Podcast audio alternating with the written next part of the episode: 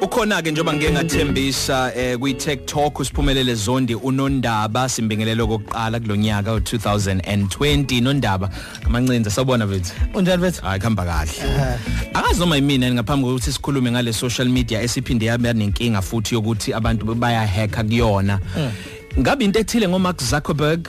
Nama social um, media platforms akhe leyenza ukuthi izinto zokuhackheka nolwazi lwabantu yini le ayixegisayo yena? Noma umucabanga kwenzakalani ngaye yazi ngicabanga ukuthi uyena kuphela ngoba ngike ngezwe uh, nabanye khona imessage engake ngayithola ku Twitter kwakuyilink. Yeah. um ngavele ngapick up na kuyona leyo link. Ya ku Twitter Twitter akuyena uMark Zuckerberg angithi. Yeah. so Mark Zuckerberg ku Facebook ku Instagram no WhatsApp Yeah. um uma ngena ku- ngase ngiyamthinta lo ngithi "Eh, ngithi nakho ngithola ilink engabe uh, le link iyona yona yena uthi hey ngihackiwe lapha angizazi nalezo zinto oyitholayo. Wathi sengivula nenye account ka Twitter um ngabona ukuthi oh hayi kuyena Zuckerberg kuphela. Kwenzeka eh, einkundleni ezihlukahlukene zokuxhumana. Ke kwenzeka kumina ihombe zazi zabakabili la khona kwi-email ke yami.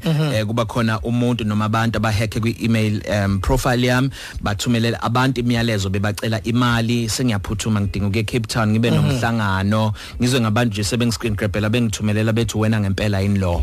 Lokhu kuphinde kwenzeka ke ku WhatsApp Mm, kuyen- kuyenzeka nje njengoba sikhuluma njengamanje ukuthi mhlambe nawe uke wawuthola umyalezo ovela kumuntu thizeni ethi ucela imali thizeni eh, mhlambe umfakele ngo e-wallet um kuyenzeka impela Mm, sikhuluma ngoba um eh, njengoba uchaza nje ukuthi ikuyenzeka mina ke ngi thole ngalento ngoba omunye woza kwethu esebenza naye endabeni um khona la SABC eGoli um uke wangithumela um umyalezo othi untshontshelwe ikhadi lakhe lasebhange um and ucela ngimfakele imali engango 1500 Izwani. Leyo mali ngiyifaka ngo e-wallet ukusho ukuthi i-wallet phela ngithi eh, imniningwane eh, yami akuyona edingekayo umuntu othola i-wallet uyaya nje ayokhipha ngale mniningwane omnika yona ukuthi i-code ithi bese yafaka leyo code bese yaphuma imali akadingi ukufaka imniningwane yakhe. So washo njalo ke um mina into engabe seng- engayenza ngalo lelo langa insuku nje ezimbalwa ezedlule ngamfonela ngamshayela ucingo. Ngabuza ngathi kwenze njani? Um ngoba ngifuna uk- ukuthola kahle imniningwane wathi hey ungalinge. Wathi ukhono seyifakile imali inhlanhla leyo.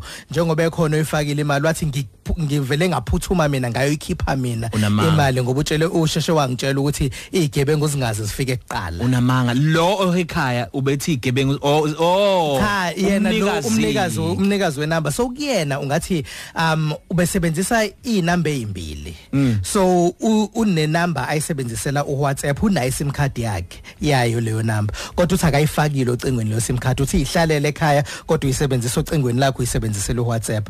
Bese ba nenye inamba Yeah. futhi ayisebenzisela incingo uma ufuna ukumshayela ucingo. Yeah. so zimbili inamba zakhe bahekele ka WhatsApp kuyena. Manje nzeka kanjani lento ngoba njalo umuntu eh, uya siya sithole lapha ku WhatsApp kuthiwa um ikuthola message that says conversations are encrypted. Okusho ukuthi umuntu wesithathu usho ukuthi pha- masixoxa mina nawe akekho omunye umuntu ozobona into mina nawe esikhulumayo pho manje bakwenza kanjani lokho ungathi ziningana ke indlela e- okungenzeka ngazo ngoba u- uyasho ukuthi um wathola ukuthi ume- umezama ukucwa- ukwenza ucwaningo ukuthi inamba yakhe ayisekho kule network ekade isebenzisa okusho ukuthi lo owayithola wayishintsha wayifaka kwenye inetwork. Kusho ukuthi wayiphotha inamba. Ah. uma seyiphothile use ya u- wase eqala en awuphinde. Awuphinde nje uqale phansi leyo musho wakho ukuthi kwenzeka kanjani? Okusho ukuthi uyithathile inamba. Iphiki inamba ye- yocingo le en- ucingo lisebenzisa uWhatsApp. WhatsApp. Wa- hayi le afona hayi ngayo. le afona ngayo. Ehhe. wathatha le ayisebenzisela uWhatsApp wayisusa kule network. Ukuthi umethi ufonela inetwork yakhe ebuza ethi hey kwenze njani network? Wayifonela futhi wabuza wathi leyo number ayisekho kuthina. Oh. Leyo number seyi kwenye network. Ihacker ephothile yayisa kwenye ihacker network. eyise kwenye network. Manje ngoba u- Iphutha- urikhile nje. Nakho ke inkinga ilapho ukuthi akwazeki ke ukuthi njengoba urikhile ukuthi sekwenzeka kanjani ke ukuthi isuke. Nakho kokunye abayiphutha abanye aba- abavumile futhi ukuthi balenzile abaheke ngoba sitholile ukuthi baningani impela abahekwe ngalolu hlobo. Um ukuthi uthola imessage njengoba u siya mhlongo une nenamba yakho yocingo oyisebenzisayo bhala imessage nangumuntu nakho ke iyaphothwa inamba yakho siyinkampani thizeni um and uyavuma na? Awungithi khona lokho vele upress okay udlule entweni. Uh, abanye bavuma ukuthi hayi mina ngavele ngapress okay ngadlula entweni. Oh. kanti sengivuma ukuthi inamba isuke ku- kule network. Ngoba phela ba- bangibuzile. Ukusho ukuthi njengoba ngirekhile ngavuma. Ngawupress okay kanti seyihambile inamba yami. Kufana nomuntu uma ekuhacka kwi-email yakho. Kungena mawukuthi email yakho iyangena nasocingweni. Kungena umyalezo othi kune device okungeyona le. Ukuthi uyafuna ukuphenya na? Ukuthi ukuthi um ngoba bayasho ukuthi device ongajwayele ukuyisebenzisa. Na inkinga yami lo myalezo awuhlala isikhathi eside.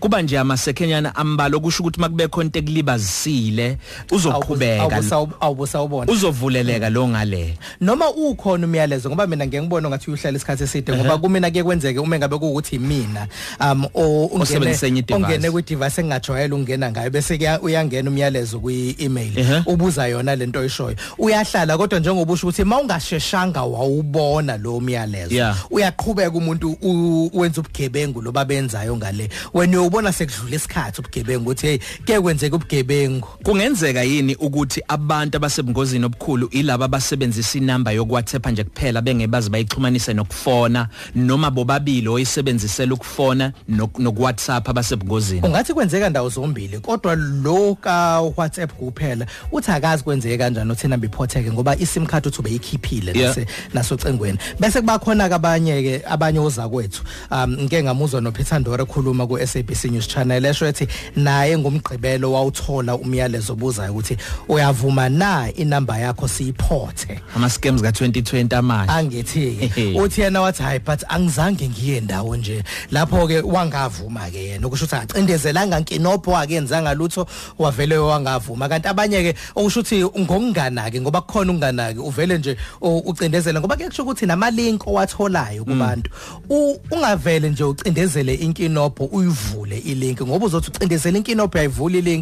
Kanti seyihack ifone yakho sinikeza umunye umuntu imininingwane esefonini Yeah. um inkinga ongathi itholakeleke kulo ukuthi njengoba eheke umuntu osebenzela SABC News Yeah. okusho ukuthi lo muntu usema groupini aka SABC Yeah. News so use usethola inamba zabanye abasebenzela uSABC News egroupini so usebazama babe baningi ukuthi um athole usizo ukuthi lemali athole yikho ukuthola ongathi bekuyintatheli kakhulukazi esebenzela uSABC News esike zaba nalenkinga. Kodwa kuyavela ngoba uke washo no um ngeke ngabona nomyalezo u DJ Thizeno osebenzele ezinye zezitesho zakhona la Yeah. eh, SABC uLulo Cafe ukuthi khona omunye uke wafaka naye qala unyaka ukuthi hawu nangululo engicela imali. Um and then uLulo waphendula wathi hey ungalingi. Yena ke bengewona 1500 beku 3000 obucelo Yeah. um wathi ungalinge uyifake leyo mali. Um uWhatsApp wami uhackiwe siphephe kanjani uma kuukuthi kusazophinda kube khona nezinye indlela abasigebenga ngazi kakhulukazi kuWhatsApp? Mm, ziningi indlela njengoba ngisho nje ukuthi uma ngabe uthola umyalezo labe kumyalezo wemali um ukuthi kuthiwa fakwe imali ungayifaki.